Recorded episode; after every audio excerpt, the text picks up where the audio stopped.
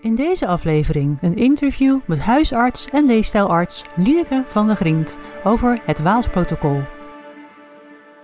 Welkom bij de Keto Podcast met Louisette Blikkenhorst. In deze podcast laten we geen onderwerp over het ketogeen dieet onbesproken, van ketogene leefstijl tot therapie, voor de leek, de ervaringsdeskundige en de professional. De ene keer houden we het eenvoudig en praktisch en een andere keer duiken we er diep in. Je hoort steeds weer iets nieuws in de Keto Podcast.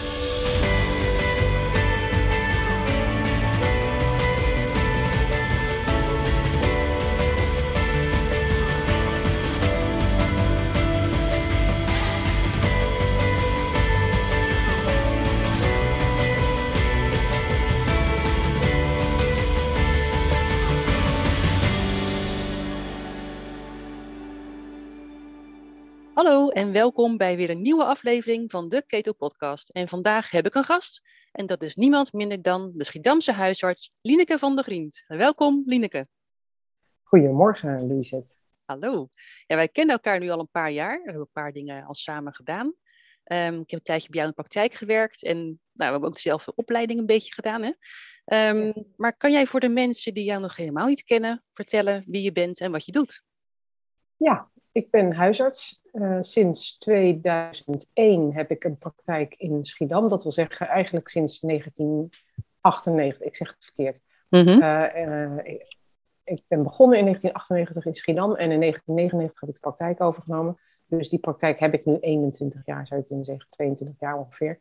Ja. En ja, ik ben eigenlijk een heel reguliere huisarts met een heel grote praktijk.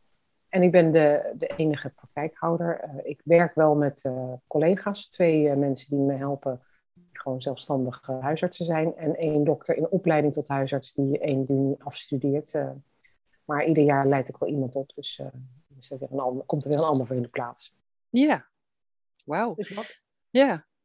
En um, je zegt ik ben regulier huisarts, hè? dat is hoe jij je praktijk runt. Maar intussen ben jij ook al een naam en faam aan het opbouwen als leefstijlarts. En je hebt er ook zelfs een boek over geschreven. Ja, dat, ik ben in 2018 uh, anders tegen gezondheid en ziekte gaan aankijken door een samenloop van gebeurtenissen en omstandigheden, situaties in mijn leven. En um, sindsdien ben ik bezig met wel een wat andere aanpak van chronische aandoeningen met name dan ja. ik tot 2018 deed. En ja, je kunt wel zeggen dat daar echt een wereld voor me open gegaan is. Ja, en um, wat, wat ontdekte je bijvoorbeeld? Wat, wat was het verschil met je, je, je oude kijk tegen gezondheid en, en, en de nieuwe kijk? Nou, ik realiseerde me ineens dat wij met medicijnen bezig zijn om wel symptomen en klachten te behandelen, maar niet zozeer de onderliggende fenomenen. Ja. Met andere woorden, ik was helemaal niet bezig met iemand te helpen genezen, maar meer, ik was bezig met het van zijn klachten afhelpen.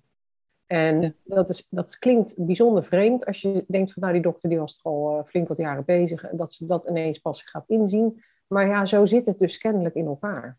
Dat wij uh, langzaam maar zeker verworden zijn tot huisartsen die eigenlijk niet meer nadenken over waar het vandaan komt, de klacht, hoe het is ontstaan, wat de biochemische en fysiologische processen zijn die daaronder aan de grondslag liggen.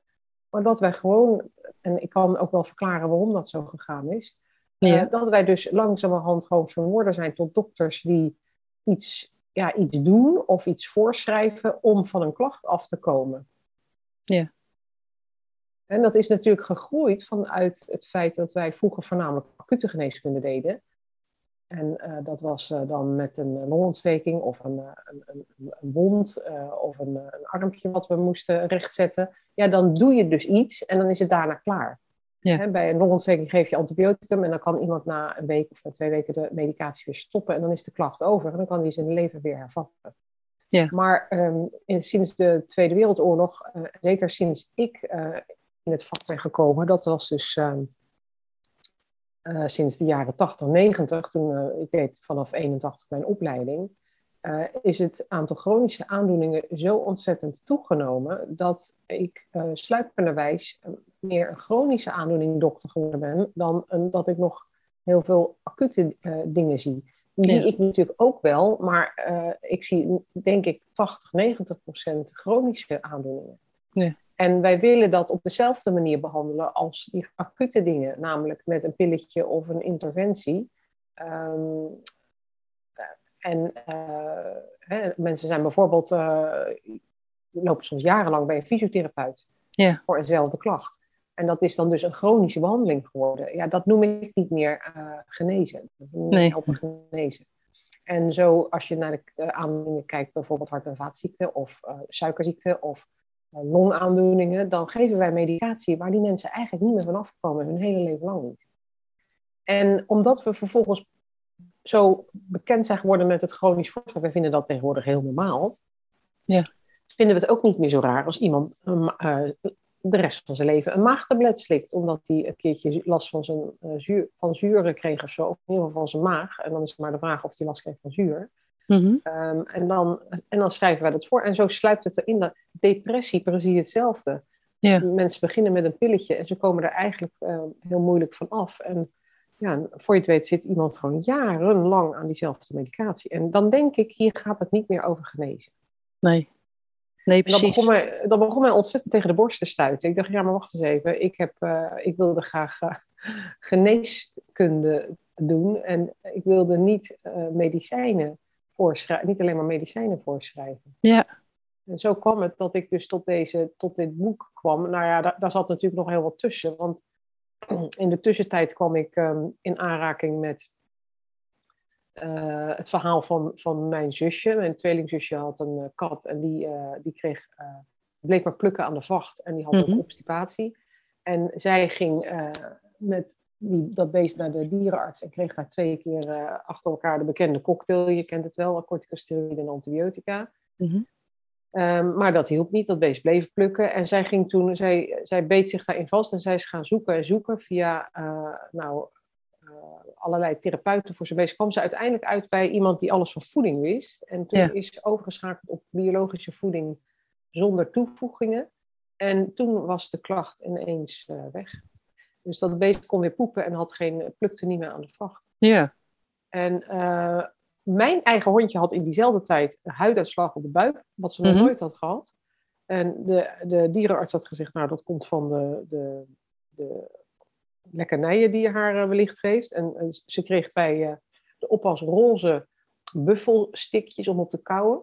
Ja. Nou, het feit alleen dat ze roze waren, eh, dan, dat zegt natuurlijk al genoeg. Bovendien blijkt, blijkt dat in die buffelstokjes, die ik haar ook wel had gegeven hoor, uh, daar zitten ook uh, stoffen die helemaal niet goed voor haar zijn. bijvoorbeeld, ik geloof iets van lijmachtig iets. Ja. Nou ja, kortom, uh, als de reguliere dokter al zegt dat is daarvan, dacht ik van nou, dan ga ik dus rigoureus ook om op hele andere voeding, net als de kat van mijn tweelingzus. En, en ze krijgt ook ja, al die bewerkte zooi niet meer. Dus, en inderdaad, de klacht verdween. Ja. Um, en tegelijkertijd kwam op mijn pad jou en inmiddels ook wel dus mijn collega Ja. Isha Gijzel. Ja. Want ik uh, organiseerde netwerken in die tijd voor, uh, want mijn, mijn patiënten die ik niet altijd kon helpen genezen, die gingen dan hun, in, in, de, in de wijk bij mij, gingen ze dan hun heil zoeken bij andere therapeuten. En ik kende die mensen niet. Dat, en, dat, en ik kende ze niet omdat dat geen reguliere huisartsen of andere reguliere therapeuten waren, maar dat waren mensen die inderdaad iets wisten van voeding, of uh, haptotherapeuten, of hypnotherapeuten, of nou ja, you name it. Uh, iemand die iets van Chinese uh, geneeskunde afwist, enzovoort. Dus toen dacht ik, maar als die mensen allemaal hier in Schiphol-Noord zitten en ik ken ze niet, en ze doen goed werk, want die, die, die mensen waren daar enthousiast over. Mm -hmm. Ik heb daar echt geluisterd naar mijn patiënten. Dan dacht ik, ja, maar dan wil ik die mensen wel eens leren kennen. En uh, je, ken, je weet hoe sceptisch ik ben. Mm -hmm. ja, zeker. Dus ik kijk daar altijd met twee ogen naar. Eén van uh, het onderzoekende, nieuwsgierige oog. Um, dat hebben jij en ik trouwens gemeen, vind ik. Wij, wij, wij willen alles altijd maar weten. Ja. En dat andere oog blijft een beetje sceptisch. Zo van, ja, maar ik geloof daar niet 1, 2, 3. Hè? Ik moet nee, nee, even, precies. Even de kat uit de boom kijken. Ja, zeker. Dus uh, met die twee ogen organiseerde ik uh, die netwerken. En ik, oh, oh, ik nodigde overigens alle huisartsen uit uh, Schiedam-Noord daarvoor uit. maar die kwamen nooit. Dus ik was de enige huisarts. Oh, en dat waren hartstikke leuke avonden. Er kwamen zeker 20, 25 mensen. Dat heb ik op vier jaar achter elkaar georganiseerd. En die mensen vonden dat ook leuk, want die kenden elkaar ook niet. Nee. En zo kwamen die dus met elkaar in contact. Ehm, en de afspraak was dat je iemand mee mocht nemen als je dacht, daar heb ik veel vertrouwen in, daar heb ik veel goede ervaringen van gehoord. die wil ik ook wel eens ja, kennis laten maken met de rest. En zo kwam het, dat, en ik, ik deed dan een speeddating, drie keer een kwartiertje speeddating met iemand waar jij van de uitgenodigde lijst dacht, die ken ik nog niet zo goed of nooit van gehoord, of wat is dat? Nou, zo had ik mijzelf voor een speeddate met Isha Gijzel opgegeven, want die deed KPNI. Nou, ik had er nog nooit van gehoord. nee. we weten nu natuurlijk dat dat de klinische psychoneuroimmunologie is. En ik denk, ja, maar psychoneuroimmunologie, dat zijn medische vakken. Dus wat, wat gaat die juffrouw mij daar nou over vertellen, weet je wel? Ja, ja. dat is echt heel grappig. Dus toen zat ik een kwartiertje tegenover haar. Nou, en Isha is natuurlijk een ontzettend leuke vrouw, vrolijk en uh, ja. En helemaal niet uh, door me, onder de indruk van uh, dat ze tegenover een dokter zat. Dus die zat daar lekker voor de vuist weg haar verhaal te doen. Ja, over ze weet heel veel. Ja. ja. en ze weet heel veel. Ze kan ja. goed, goed, kletsen. Ze, ze praten over de HPA-as en over uh, mitochondriale dysfunctie en het immuunsysteem en neurologische fenomenen. En ik dacht, ik, ik werd langzamerhand een klein beetje, hoe zou ik het zeggen? Geïrriteerd. ja. ja. Nou ja, inderdaad. Eh, want ik dacht, hmm, deze mevrouw weet het wel heel leuk uit te leggen. Zeg, op een Jip en Janneke manier die ik niet zou kunnen, op, die, op zo'n manier zou kunnen. Nee. En dat irriteerde inderdaad. dat goede, goede irritatie, ja. Dat was, ja, dat was, een, dat was een prikkelende irritatie. Want uh, ik dacht, ja, maar dat wil ik ook kunnen. Ja.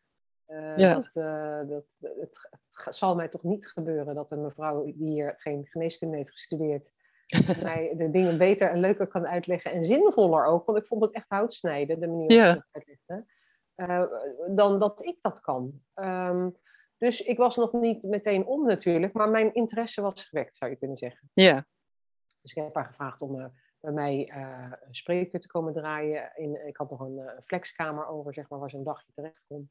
En nou, Louisette, ze is nooit meer weggegaan, want ze zit nu Nee? Ja, precies. Ja. Hartstikke leuk. En ik, zij heeft mij toen in uh, twee of drie lunch uh, half uurtjes nog meer dingetjes verteld.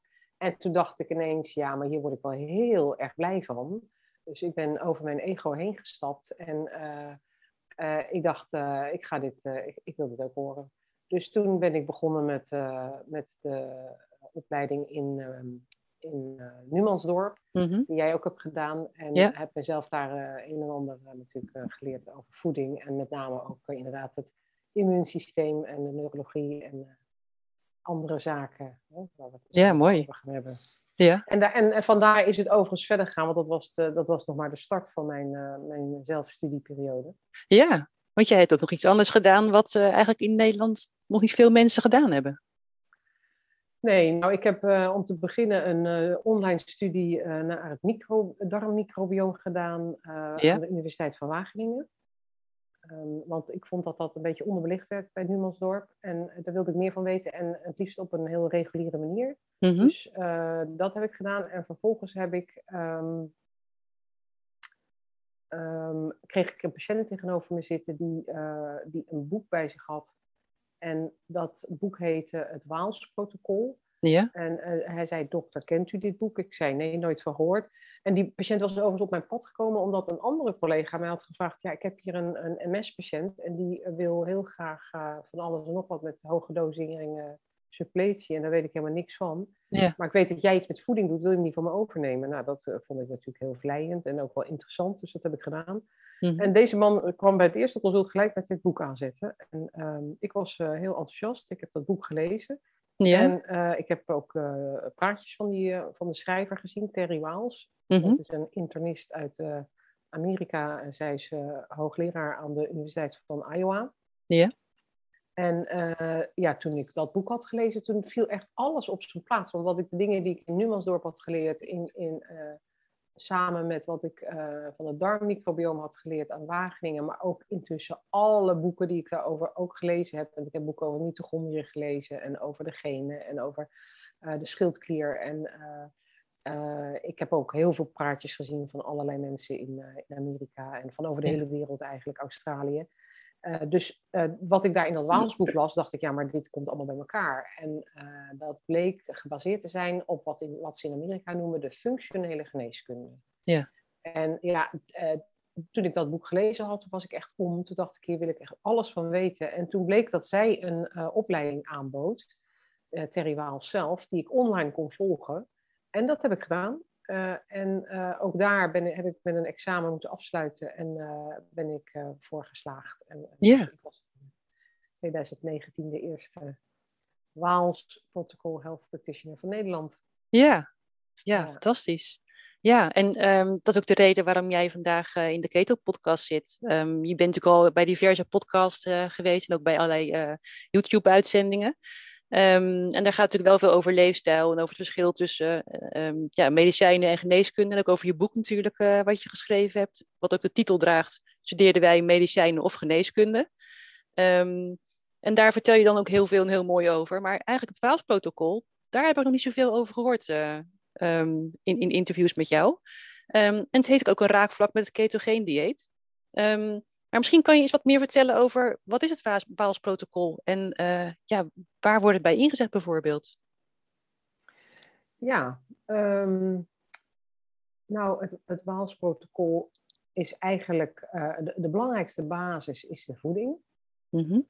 Dus uh, zij heeft drie levels waarbij je eigenlijk steeds sterker gaat naar uh, ketogeen. Dus het derde level is helemaal ketogeen, het tweede level is een beetje ketogeen. Zo ja. zouden we kunnen zeggen uh, lower carb.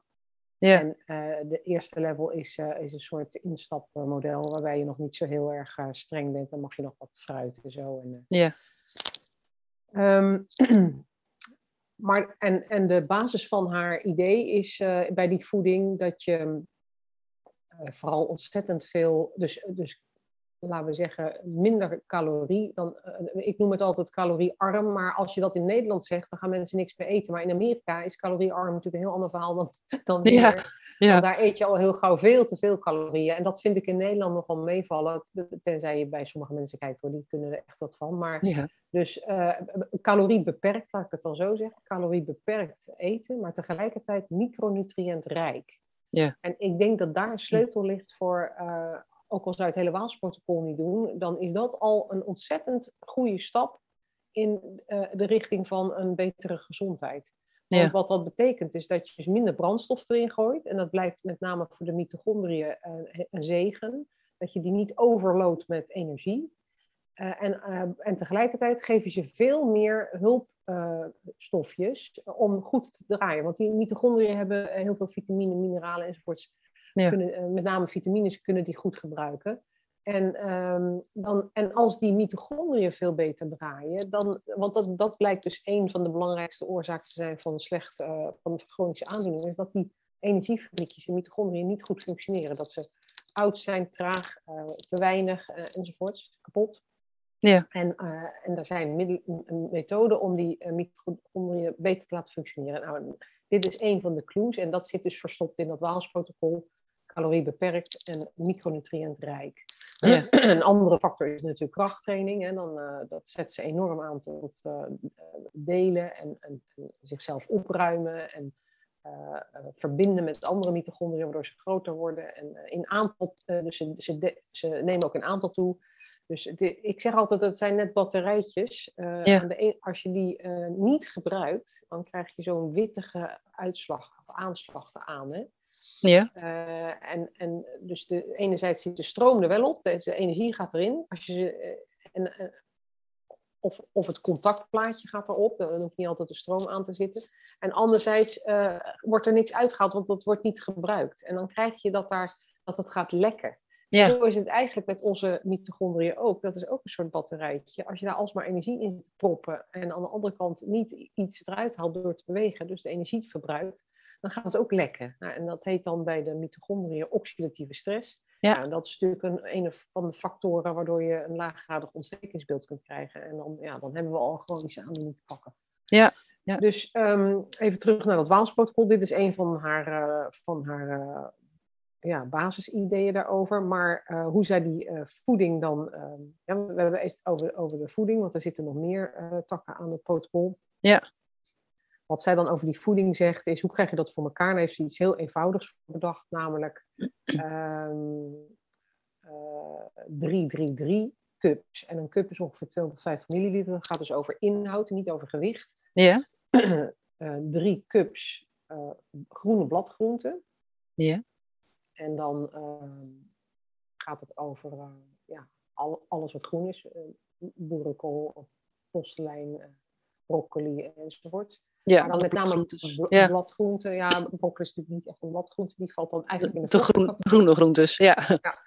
Ja. Uh, ja, ze zegt ook. Um, um, ja, nee, de, de groenten die daar ook bij horen zijn de koolsoorten.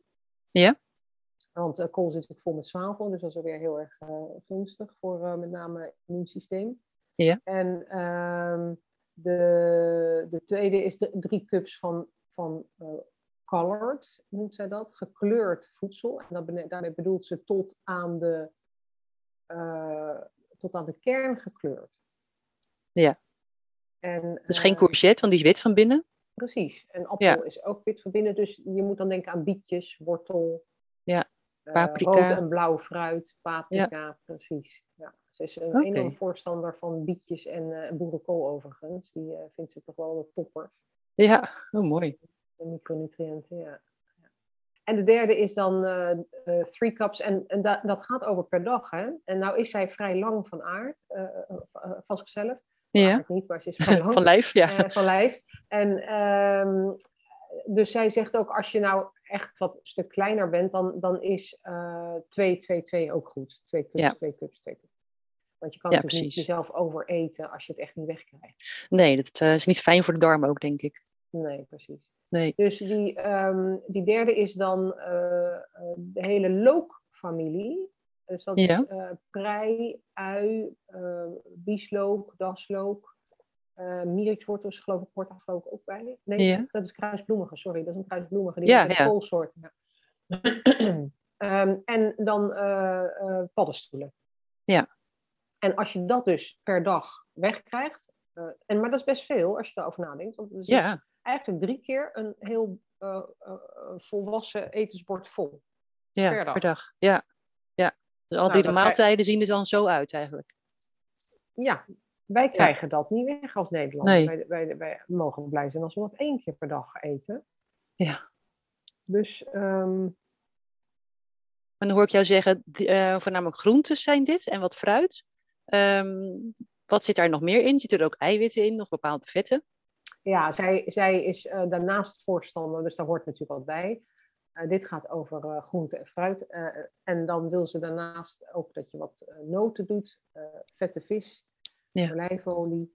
maar zij is ook wel voorstander van bijvoorbeeld kokosolie, als je dat kunt verdragen. En um, ja, de gezonde vetten die in het vlees zitten. En dan bedoelt ze, zij, zij wil het liefst natuurlijk grasgevoerd mm -hmm. vlees.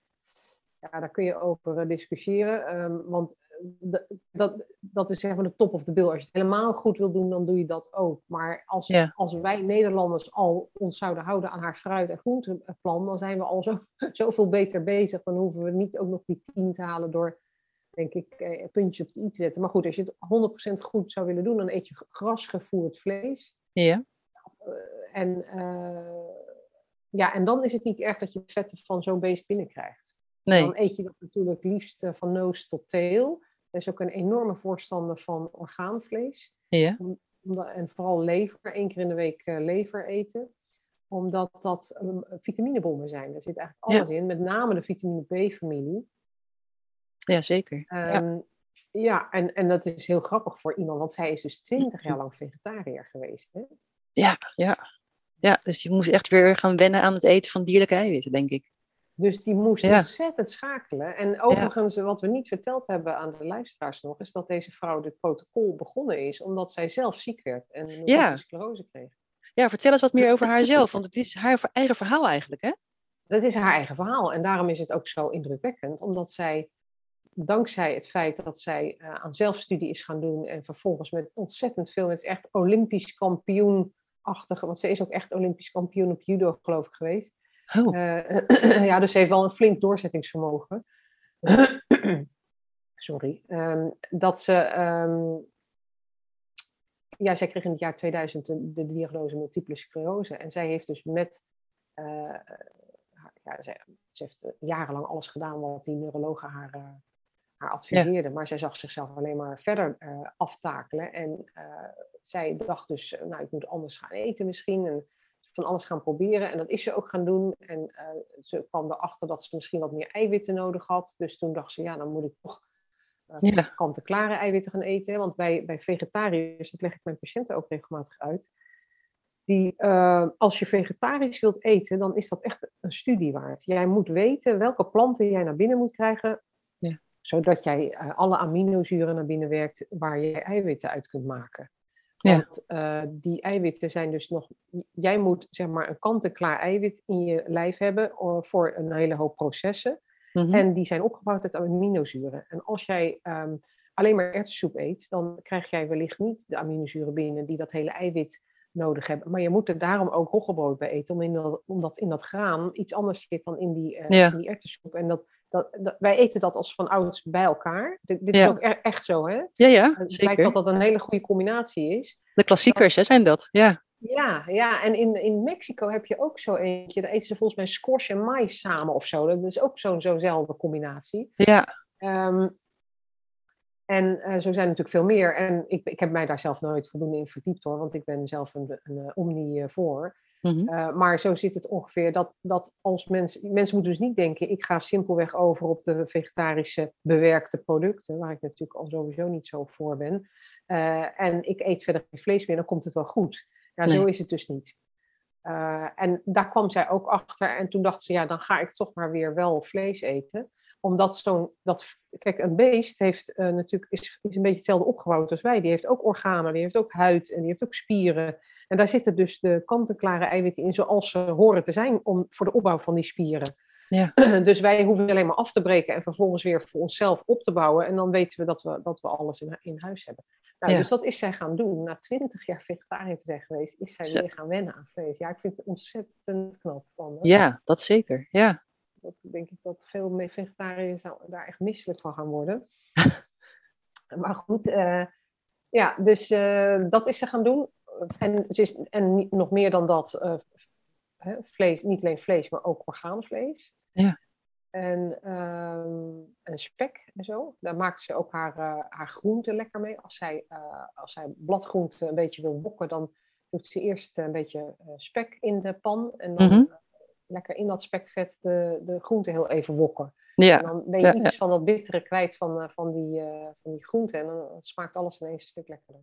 Ja, Oké, okay. dat is wel een uh, grote omzwaai voor haar geweest. Maar zij was dus echt uh, achteruit aan het gaan eigenlijk hè, met, haar, met haar ziektebeeld. Ja, zij ging dus, uh, ondanks ook, ook al dit soort dingen, bleef zij eigenlijk toch een beetje achteruit gaan. En toen ging ja. ze, um, de, de clue, het kwartje viel voor haar toen zij op het Instituut voor Functionele Geneeskunde landde bij de zelfstudie in de avonduren. Ja. De Institute for Functional Medicine, en dat kun je op de uh, website ifm.org vinden. Mm -hmm. um, uh, daar kwam zij erachter dat het eigenlijk een compleet beeld betrof en dat het niet alleen maar gaat over, uh, over ja, eten en, um, en, en, dat het dus gaat over ontspanning, over uh, lachen met elkaar, over het hebben van niet-toxische relaties. Ja. Uh, over de, het belang van het immuunsysteem. En dat ze dus eigenlijk nog veel meer aandacht moet geven aan micronutriënten. Uh, en en zij, ze had voor zichzelf heeft ze, is ze op studies gestuurd waar ze zeg maar, onderzochten hoe dat bij dieren zit, met, met, met name neurodegeneratieve aandoeningen, zoals uh, multiple ja. sclerose, maar ook ALS en uh, Parkinson en Alzheimer en zo. Ja. En toen is hij vanuit die studies, uh, want daar, daar kwamen ze erachter dat het, het, het, zenuwstelsel wel degelijk in staat is, of probeert om de boel te repareren waar het kapot gegaan is. Ja. Daar, daar zijn aanwijzingen voor gevonden. Dat weten we eigenlijk al trouwens sinds de jaren negentig, blijkt. Maar ja. daar, daar, wordt nooit wat mee gedaan. En zij ontdekte dat en zij is toen, um, wat, ze, wat ze in die studie hebben gedaan, is dat ze, ze zagen dat dat brein bij die muizen begon te uh, krimpen. En toen ze daar de, een, een, hele hoop micronutriënten in stopte, toen ging dat ineens weer beter. toen Ja. herstelde zich daar dus weer het een en ander op, in dat zenuwstelsel. En dat vond zij zo'n eye-opener dat ze, ja, zij is dus toen die, eh, die supplementen, die, die, die vitamines is ze gaan herberekenen naar volwassen dosis. Ze heeft dat doorgenomen met haar eh, huisarts, die uh, haar goddank voor open stond. En eh, toen is ze dat eh, gaan slikken ook erbij. Naast haar eh, schema van voeding, wat ze inmiddels ook al deed. Wat Ja. denk ik op dat moment nog niet helemaal uitgekristalliseerd was hoor. Maar ze begon al wat te veranderen, zeg maar.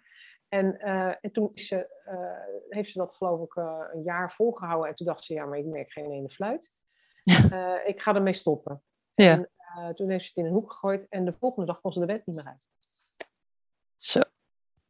En toen dacht ze, nou, dat, dat is toeval. Dus, nou, maar goed, laat ik het maar weer gaan slikken dan. En, Ja. toen, en, en, en met een paar dagen ging het weer beter. En, Ja, dat is wel duidelijk. Ja, dat was Ja. voor haar een eye-opener. Maar eh, ze is natuurlijk een wetenschapper, dus ze dacht één keer kan toeval zijn. Dus een aantal weken heeft ze het toch eens een keer gedaan. En later. En toen kon ze weer de bed niet uit.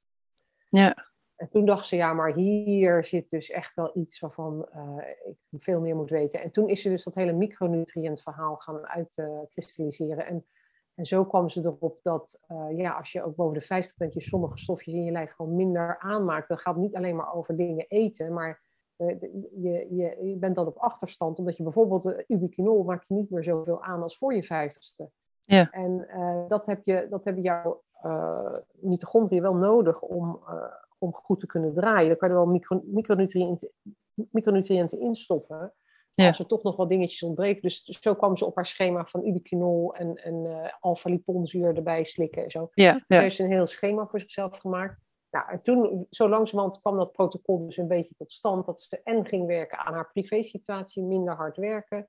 eh, meer plezier, eh, ontspanning in de sauna. Overigens ook zweten. Want zij kwam ook op het detox-verhaal. Dat ze, dat, dat, dat- ja, ze kwam erachter dat als wij ons lichaam insmeren met van alles en nog wat.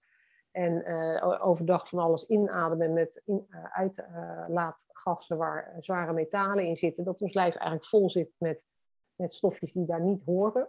Nee. En, eh, hoe krijg je die er dan uit? Daar heeft ze, heeft ze zich ook eh, over in verdiept. Ja. Met, eh, met algen en met zweten en dat soort dingen. En dus dat voegde ze er vervolgens aan toe. En ja, en krachttraining. Ze heeft een, een, zwembadje in haar eigen huis laten bouwen. Ja. Op, haar veranda, geloof ik, of zo. Of in de aanbouw, weet ik het. Een, een piepklein zwembadje waar ze tegen een stroom in kan zwemmen. Ja. Dus, eh, want ze vond dat de- voor zichzelf de meest prettige manier om... Ja, ik denk dan dat is fijn dat je een hoop geld hebt, want dan kan je dat natuurlijk doen. En Ja. vooral in Amerika heb je ook ruimte ervoor. Want Ja, ja, ja, dat kan je in een natuurlijk. rijtjeshuis niet echt makkelijk doen. Hè? Nee, Nee. dat kunnen wij niet. Maar hoe fijn voor haar dat ze dat wel heeft kunnen doen. Want Ja. zij eh, traint daar dus dagelijks eh, een half uurtje tegen de stroom in zwemmen. En daarmee, dat is natuurlijk een ontzettend prettige manier voor MS-patiënten om al hun spieren te gebruiken zonder dat ze daar heel veel, ehm, Ja. Ja, hoe zou ik het zeggen? Je voelt jezelf natuurlijk lichter in het water. ja, het is een natuurlijke beweging. Dus vanzelf maak je dan, ja, zet je heel veel spieren aan natuurlijk. Ja. Ja, ja en, en, zij kwam ja? ook op eh, e-stim, dus de electrical stimulation van de spieren. Dus zij heeft apparaatjes die zij eh, aan haar lijf koppelt. e-stim. Ja, E-stim heet Ja, het. Ja. ja, elektrische stimulatie van de spieren. Daar kun je apparaatjes voor aanschaffen en die, die, die zetten op een spiergroep en die geven stroomstootjes af. En ze zegt, daar moet je echt wel tegen kunnen, want dat is, zeker Ja. als je niet gewend bent, een onaangenaam gevoel in het begin. Eh, Ja. Maar eh, bijzonder eh, goed voor die spieren, want die, dat, dat voegt nog weer wat extra's toe bovenop het krachttraining gebeuren. Ja. Eh, nou ja, en, en daar kwam er vervolgens ook nog yoga bij en meditatie. En, nou, zo heeft, en, en het belang van goed slapen natuurlijk. ja, Want het blijkt dat eh, in de slaap vindt ons herstel plaats voornamelijk. Het immuunsysteem is zo duur dat het overdag te weinig energie krijgt, omdat er een heleboel energie verloren gaat naar andere ja, processen, eten, Ja, fietsen enzovoort. Maar s'nachts heeft het alle energie voor zichzelf, dus dan kan het flink aan de slag. Dus het schijnt zo te zijn dat, je dan, eh, dat, dat het immuunsysteem dan vooral eh, opruimt. Eh, en, Ja. ehm, en bijvoorbeeld ook kwaadaardige cellen uit de, uit de roulatie haalt. Hè, over, ja, ja. Ja, precies. Ehm, ja, dus, dus zij ging, zorgde er ook voor dat ze beter ging slapen. Nou, zo had ze dus inmiddels een, heel, ja, een hele regenboog aan dingen die ze voor zichzelf deed. En oh wonder, ehm, met drie maanden kon zij ineens, want zij kon niet meer uh, rechtop zitten zonder om te vallen. Zij zat in de, ja, ze had zo'n zo'n rolstoel, ja. Ja, ja precies. Een plaatje van gezien, ja. Ja, dat noemen ze een zero gravity uh, chair. Waarbij ze dus een beetje achterover lag in haar stoel. En zo gaf ze trouwens nog lessen. Ja. ja, ongelooflijk. In Amerika krijg je niet zomaar een uh, ziektewetuitkering. Dus zij gaf liggend les aan die uh, studenten. Ja. Um, maar zij kon dus ineens rechtop gaan zitten. Uh, drie maanden later kon ze uh, een stukje met, een, met hulp lopen en een stok. nog eens drie maanden later kon ze een, een, blokje rond het hele ziekenhuis lopen. en ook een stukje zonder stok. En um, nog een half jaar later stapte ze voor het eerst op de fiets. En ze zegt, en toen, nou ja, dat is, dan krijg ik de rillingen over, lopen over mijn lijf. Ja. Als je dat vertelt, want dat is voor haar zo'n emotioneel moment geweest. Voor het eerst in, geloof ik, 15 of 20 jaar kon zij weer fietsen. Zo. En uh, ze zegt, de, de, de, de, tranen stromen haar over de wangen nog altijd als ze dat vertelt. Ze zegt, toen heb ik voor het eerst een blokje gefietst. Nou, mijn familie was natuurlijk helemaal ja, ze waren heel bang dat ik zou vallen en zo, maar dat is niet gebeurd. En nee. uh, nou, een, een, uh, het jaar erop uh, zat ze op het paard en kon ze, kon ze een trailride doen door de bossen. Wauw. Want, want zijn er gevallen bekend van mensen die dit kunnen bereiken door reguliere behandeling?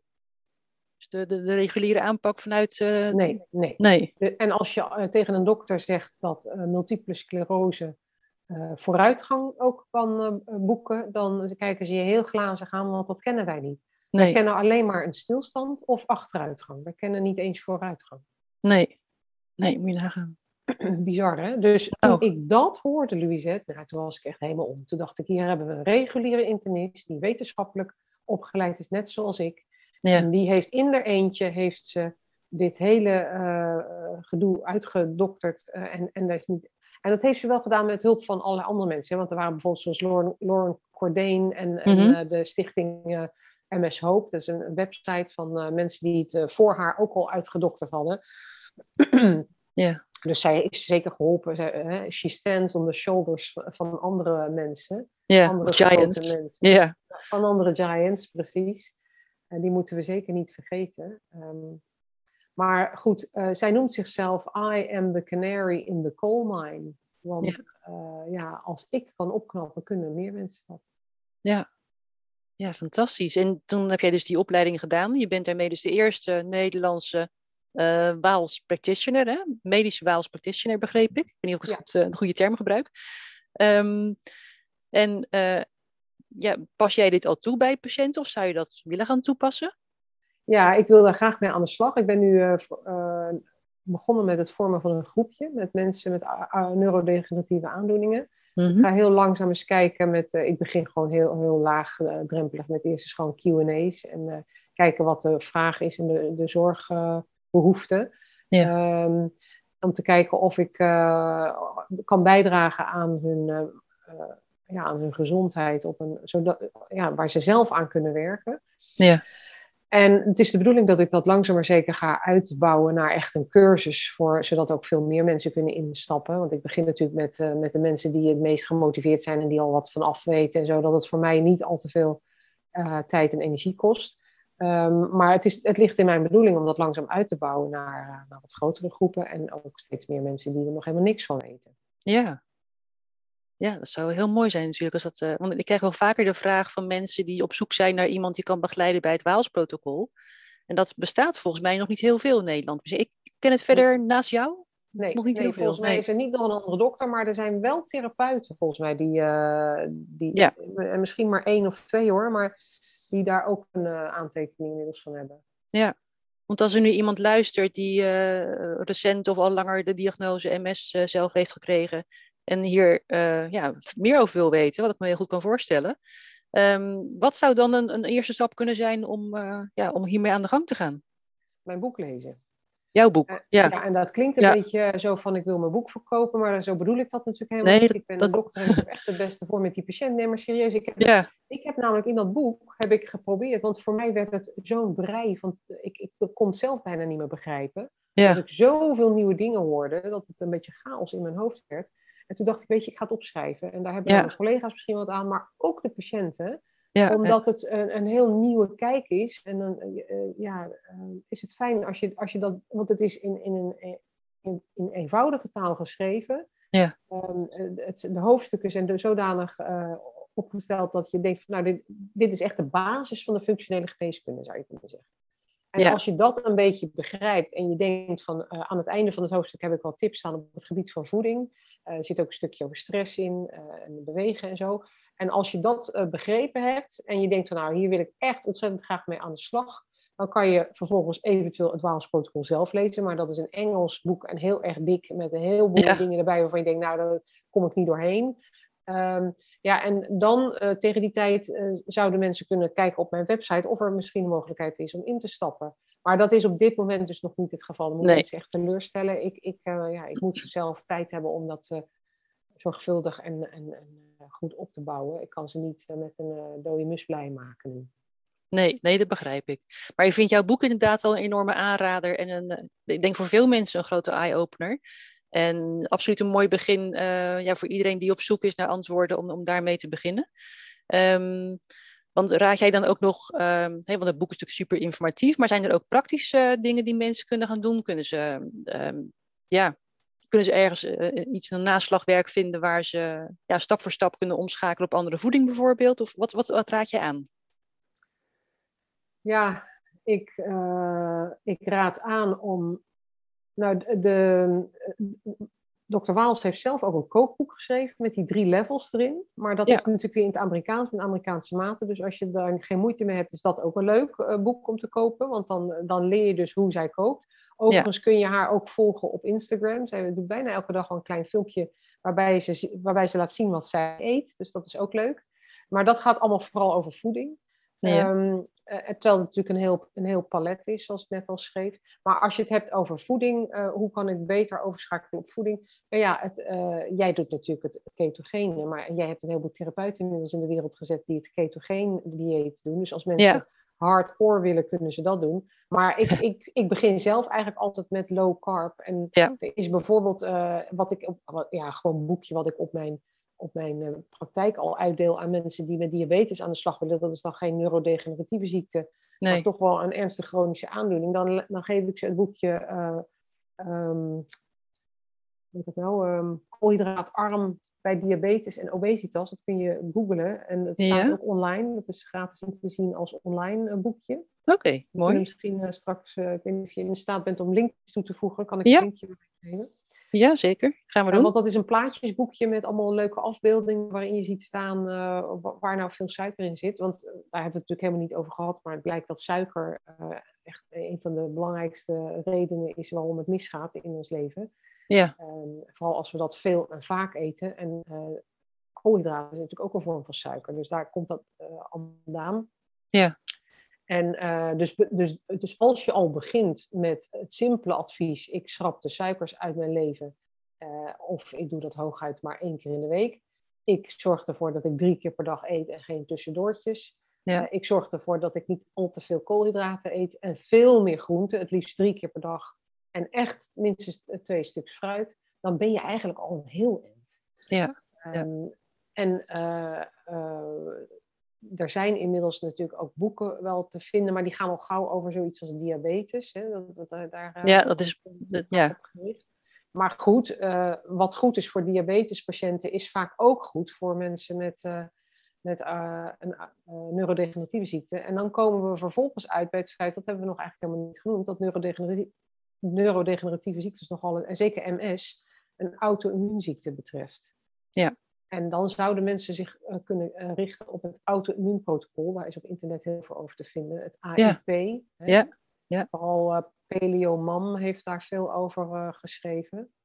ja, er zijn ook Nederlandse therapeuten steeds meer die daarmee werken. Dus Ja, dat is zeker te over te vinden. Ja, Ja. Ja. En ik denk dat je bij, bij KPNI-therapeuten ook een heel eind komt voor wat betreft de begeleiding van Ja. dit alles. Die weten Ja. daar ontzettend veel van af. En Ja. kennen ook eh, dit, kennen natuurlijk Waals. En ken, al zijn ze daar misschien niet in getraind, het ligt allemaal ontzettend dicht bij elkaar.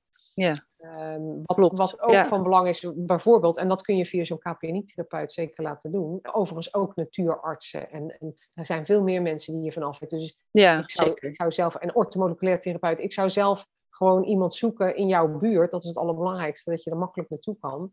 Ja. Eh, en je vraagt dan gewoon, heb je er wel eens van gehoord? En weet je er wat vanaf? En, en, of weet je iets van het auto-immuunprotocol af? En dan kunnen ze je al heel eind op weg helpen. Ja.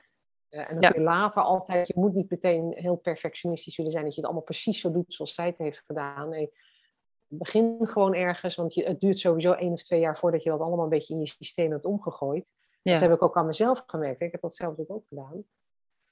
Eh, je, begint, je moet met kleine stapjes beginnen en niet, niet het een, want anders krijg je echt hoofdpijn als je alles in één keer goed Ja. doet. Ja, er zit een berg die je moet beklimmen en dat doe je in kleine stukjes steeds. En niet gelijk naar die top willen, zal ik maar zeggen. Ja. Dat is mooi gezegd.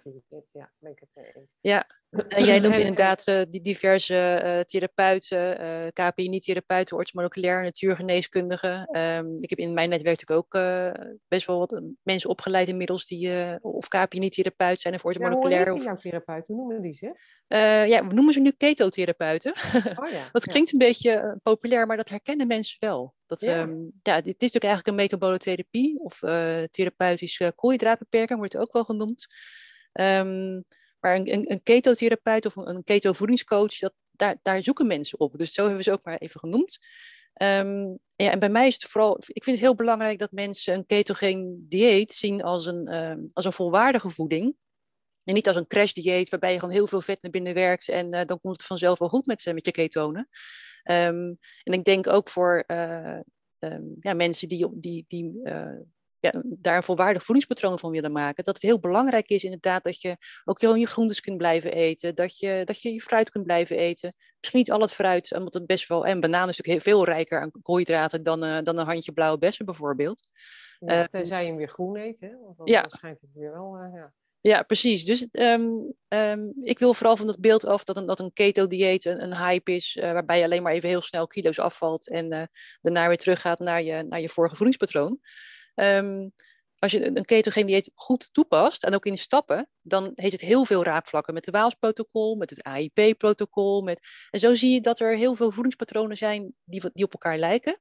Alleen het verschil met een, een, ketogeen voedingspatroon is dat je uiteindelijk ook als doel hebt eigenlijk om in, in ketose te raken, om ketonen te gaan produceren. En dat ook die ketonen natuurlijk wat doen voor je, voor je metabolisme en voor je, eh, ja, voor het herstel. Want je gaat zorgen voor meer energie in die, in die cellen en in die mitochondriën, waardoor ook weer meer herstel kan plaatsvinden natuurlijk. Hè? Wat jij ook noemde, dat als die mitochondriën weer goed gaan werken, dan blijkt dat die zenuwbeschadigingen ook weer de neiging krijgen om te gaan herstellen. En het zal dan Ja. wel niet leiden tot volledige genezing, hè? want die ziekte, dat ziektebeeld blijft vaak toch wel aanwezig. Het is niet eh, gezegd dat je daar volledig vanaf komt.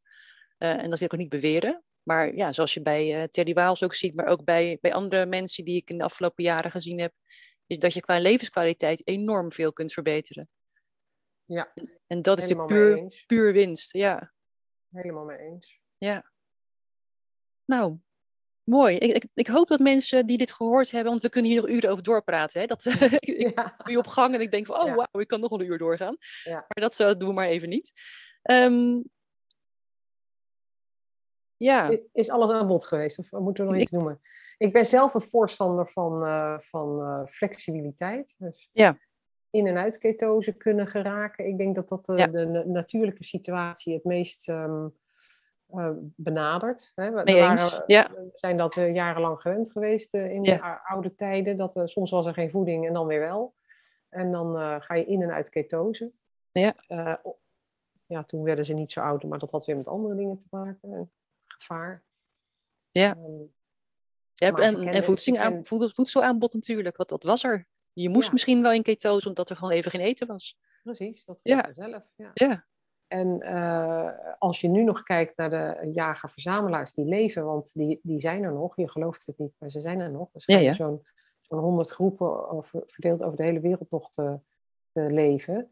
Eh, en die kennen geen uh, auto-immuunziekte en diabetes mellitus en nauwelijks hart- en vaatziekten. En, dus um, dat zijn echt welvaartsziekten, denk ik. Ja. Dus, dus dat, dat, dat leven van inderdaad even, even geen voedsel hebben en in ketose raken en vervolgens zelf weer uh, vol eten aan het fruit. Ja, dat, dat is denk ik toch uh, een heel gezonde situatie. Ja. ja, ik denk voor de meeste mensen dat dit uh, een goede manier is om, om zo naar voeding te kijken. Het niet elke dag hetzelfde, niet elke dag drie keer per dag en jezelf maar vol eten. Ja, wat een keertje eens een eten. ontbijt ja. over, dat is helemaal niet erg. Nee, maar eet dan bij de lunch wel een stevige groentemaaltijdsoep bijvoorbeeld. Hè? Ja. En, niet, en, niet, een cracker met kaas. Nee, nee want dan sla je de plank mis, denk ik.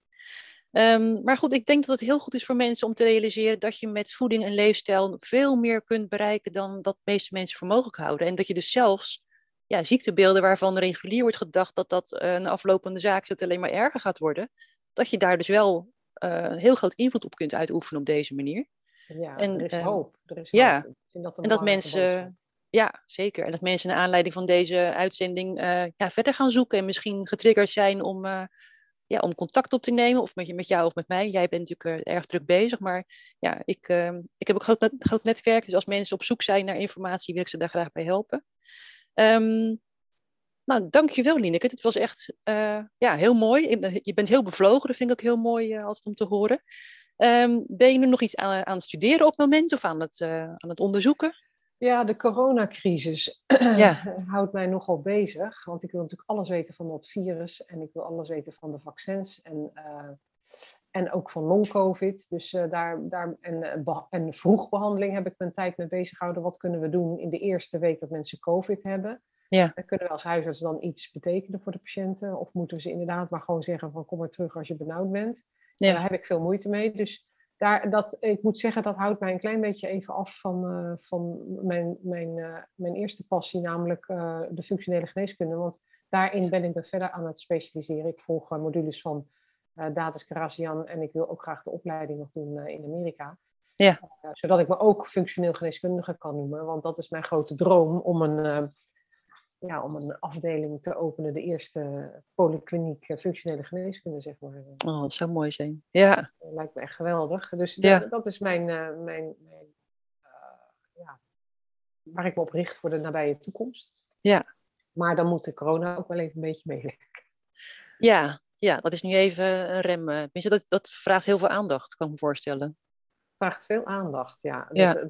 ik kan het niet loslaten, omdat ik daar net als huisarts heel erg mee geconfronteerd word. Iedere dag weer dat mensen me bellen en zeggen: Ja, heb je wat? Heb je wat? Ja, dan, dan, wil, dan ga ik zoeken of ik wat heb voor ze. Ja. Dan zit ik in elkaar. Ja. Dus ze gaan helpen. Voordat wij uh, begonnen op te nemen voor dit gesprek, hadden we het nog heel even over um, ja, wat zou je eventueel kunnen doen bij long-covid. Ik krijg ook vaak de vraag, um, hebben mensen die zo chronisch vermoeid blijven nadat ze covid hebben doorgemaakt, um, ja, kan ik dan hals over kop in een ketogeen dieet beginnen? En daar waren wij het eigenlijk over eens dat dat waarschijnlijk niet eh, de eerste stap is. Uh. Nee, nee. dieet is denk ik niet uh, daarvoor geschikt. Um, nee.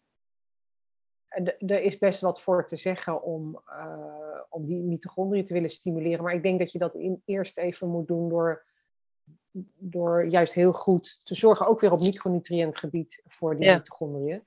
En dan uh, later langzamerhand inderdaad uh, weer krachttraining. En, uh, ja, precies. Ja. Maar ik blijf erbij dat, kijk, dat immuunsysteem heeft natuurlijk in eerste instantie best wel wat suikers nodig, eigenlijk koolhydraten zou je kunnen zeggen.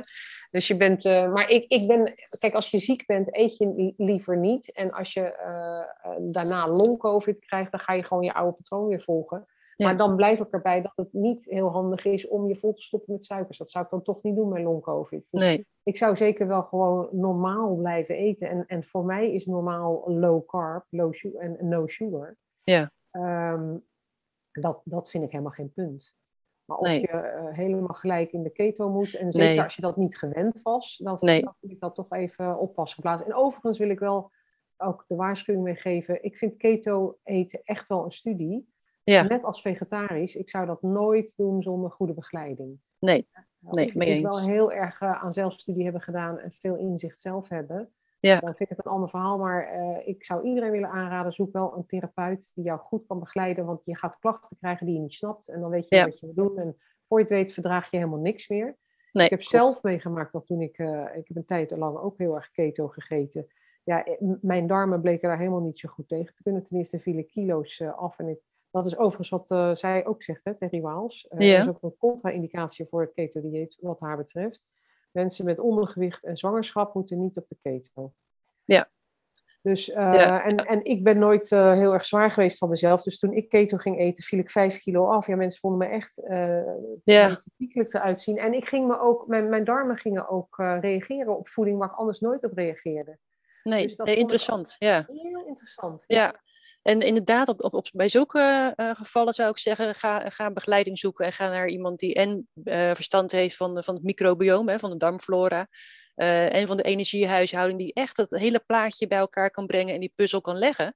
Ehm, en dan kan het zijn dat, je, dat het prima is om toch die, die metabole switch te maken, hè, dat je toch een beetje ehm, af en toe in ketose gaat en dan weer eruit. Maar dan is het voor zulke mensen waarschijnlijk helemaal niet verstandig om langdurig in ketose te willen zijn. En dat gaat ook Nee. helemaal geen winst opleveren. Precies, Dus het, het is heel goed dus om, om te kijken per persoon van wat is hier nodig. Er zijn mensen die kunnen prima een jaar of jarenlang zelfs op een soort ketogeenachtig dieet, hè, een leefstijl eh, blijven volgen. Maar er zijn ook mensen eh, voor wie drie weken eigenlijk al te veel is. Dus en, ehm, en, en ja. dat is misschien ook een mooie boodschap om mee af te sluiten, Louisette. Ehm, Ja. Er is geen één mens hetzelfde als het andere mens. Nee, Dus je kunt niet zeggen dat keto-dieet voor iedereen goed is. Net zo min als dat je kunt zeggen dat het auto-immuunprotocol voor iedereen eh, goed is. eh, Of dat eh, het Sonja Bakker-dieet voor iedereen goed is. Weet je, je Ja. iedereen is anders. En dat maakt het zo ongelooflijk complex. En dat maakt ook dat je nooit zult zien dat... dat hè, je krijgt ieder jaar natuurlijk een nieuwe dieethype. Ja. Maar het zal nooit zo zijn dat er een dieethype komt die voor iedereen goed is. Want Nee. het microbioom blijkt, eh darmmicrobioom blijkt zo uniek te zijn dat er niet één microbioom hetzelfde is. Het is net zo uniek als de vingerafdruk. ja. ja, precies. Ehm, dus dat betekent dat we moeten echt naar zorg op maat. En eh, trial and error is het voorlopig, omdat we natuurlijk nog te weinig eh, tools hebben om echt dingen te meten. Alhoewel ik wel eh, eh, bijvoorbeeld al veel winst zie van eh, onderzoeksmethoden als intolerantietesten. De, Ja. Ja. de IMUPRO doe ik nog alles.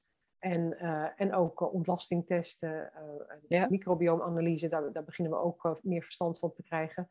Ja. Ehm, dus dat maakt dat het allemaal steeds meer een beetje op maat kan. Maar er is nog beslist geen consensus over wat nou de beste aanpak is. Dus het is voor veel mensen nog een beetje zoeken en proberen. En, ja, en, en, en dat kun je het beste doen onder begeleiding. En als je bij de ene therapeut op een gegeven moment denkt, nou hier heb ik het maximale uitgehaald en we komen niet verder. Dan Ja. zoek je een ander die weer Ja. verstand heeft van weer een ander eh, onderdeel van dit hele palet. Ja, helemaal prima. Ja, zeker.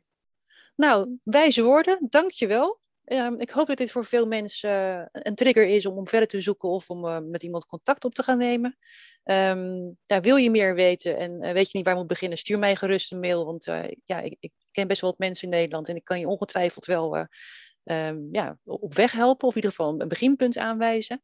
Eh Lineke, dankjewel voor je tijd. We hebben toch al bijna een uur eh, met elkaar kunnen praten hierover. En ehm, als mensen in de toekomst met jou contact op willen, heb je, op, op nemen, heb je een website of heb je een e-mailadres waar mensen terecht kunnen? Ja, de, ik heb twee websites. Eentje is van de praktijk. Daar hebben mensen niks aan, want dat is alleen voor mijn patiënten. Ja. En de, die van mijzelf, eh, waar ik de dingen doe voor mijn boek en, en eh, eventueel eh, cursussen in de toekomst, is huisarts Lieneke van de Griend.nl. Ja. Voor wat betreft het coronaverhaal ben ik vooral op LinkedIn actief. Daar deel ik vooral artikelen hoor, niet zo heel veel meer. Maar toch wel heel interessant. En ehm, ehm, ik zit ook wel op Instagram, maar daar ben ik niet zo actief op. Dus Mhm, eh, ik zou zeggen. En Facebook eh, is het huisartsen Schiedam Noord, wat voor iedereen toegankelijk is. Ja, dus maar duidelijk onderscheid tussen, tussen je huisarts, eh, communicatie, zomaar zeggen, en je, vanuit jezelf. Ja, mensen kunnen mij ook vinden op Facebook als Lieneke van der Grien, maar dat is echt alleen maar voor mijn familie. Ja, ja. Oké, helder. Nou, dankjewel. En ehm, wij spreken elkaar vast wel weer een keer. Graag gedaan, dankjewel eh voor het interview, eh, het gesprek, Louisette. Dankjewel, Lineke. Tot ziens. Dag. Leuk dat je luisterde naar deze aflevering van de Keto Podcast. Ik hoop dat het je heeft geïnspireerd, vragen heeft beantwoord of juist vragen heeft opgeroepen. Heb je vragen of wil je reageren op deze podcast? Stuur dan een e-mail naar info@theketopodcast.nl. De Keto Podcast is ook te vinden op Facebook, Instagram en Twitter. Vind je deze podcast waardevol? Dan zou je me enorm helpen door een mooie review achter te laten en met 5 sterren te waarderen. En wil je geen aflevering meer missen? Abonneer dan. Deze podcast wordt mogelijk gemaakt door Ketogenics Institute. Ketogenics Institute verzorgt cursussen voor gezondheidsprofessionals over ketogene leefstijl en therapie. En voor een ieder die zelf met een ketogene leefstijl wil starten, is er het Keto Leefstijlprogramma. Meer informatie is te vinden op www.ketogenicsinstitute.com. Mijn naam is Louisette Blikkenhorst. Bedankt voor het luisteren en tot de volgende keer.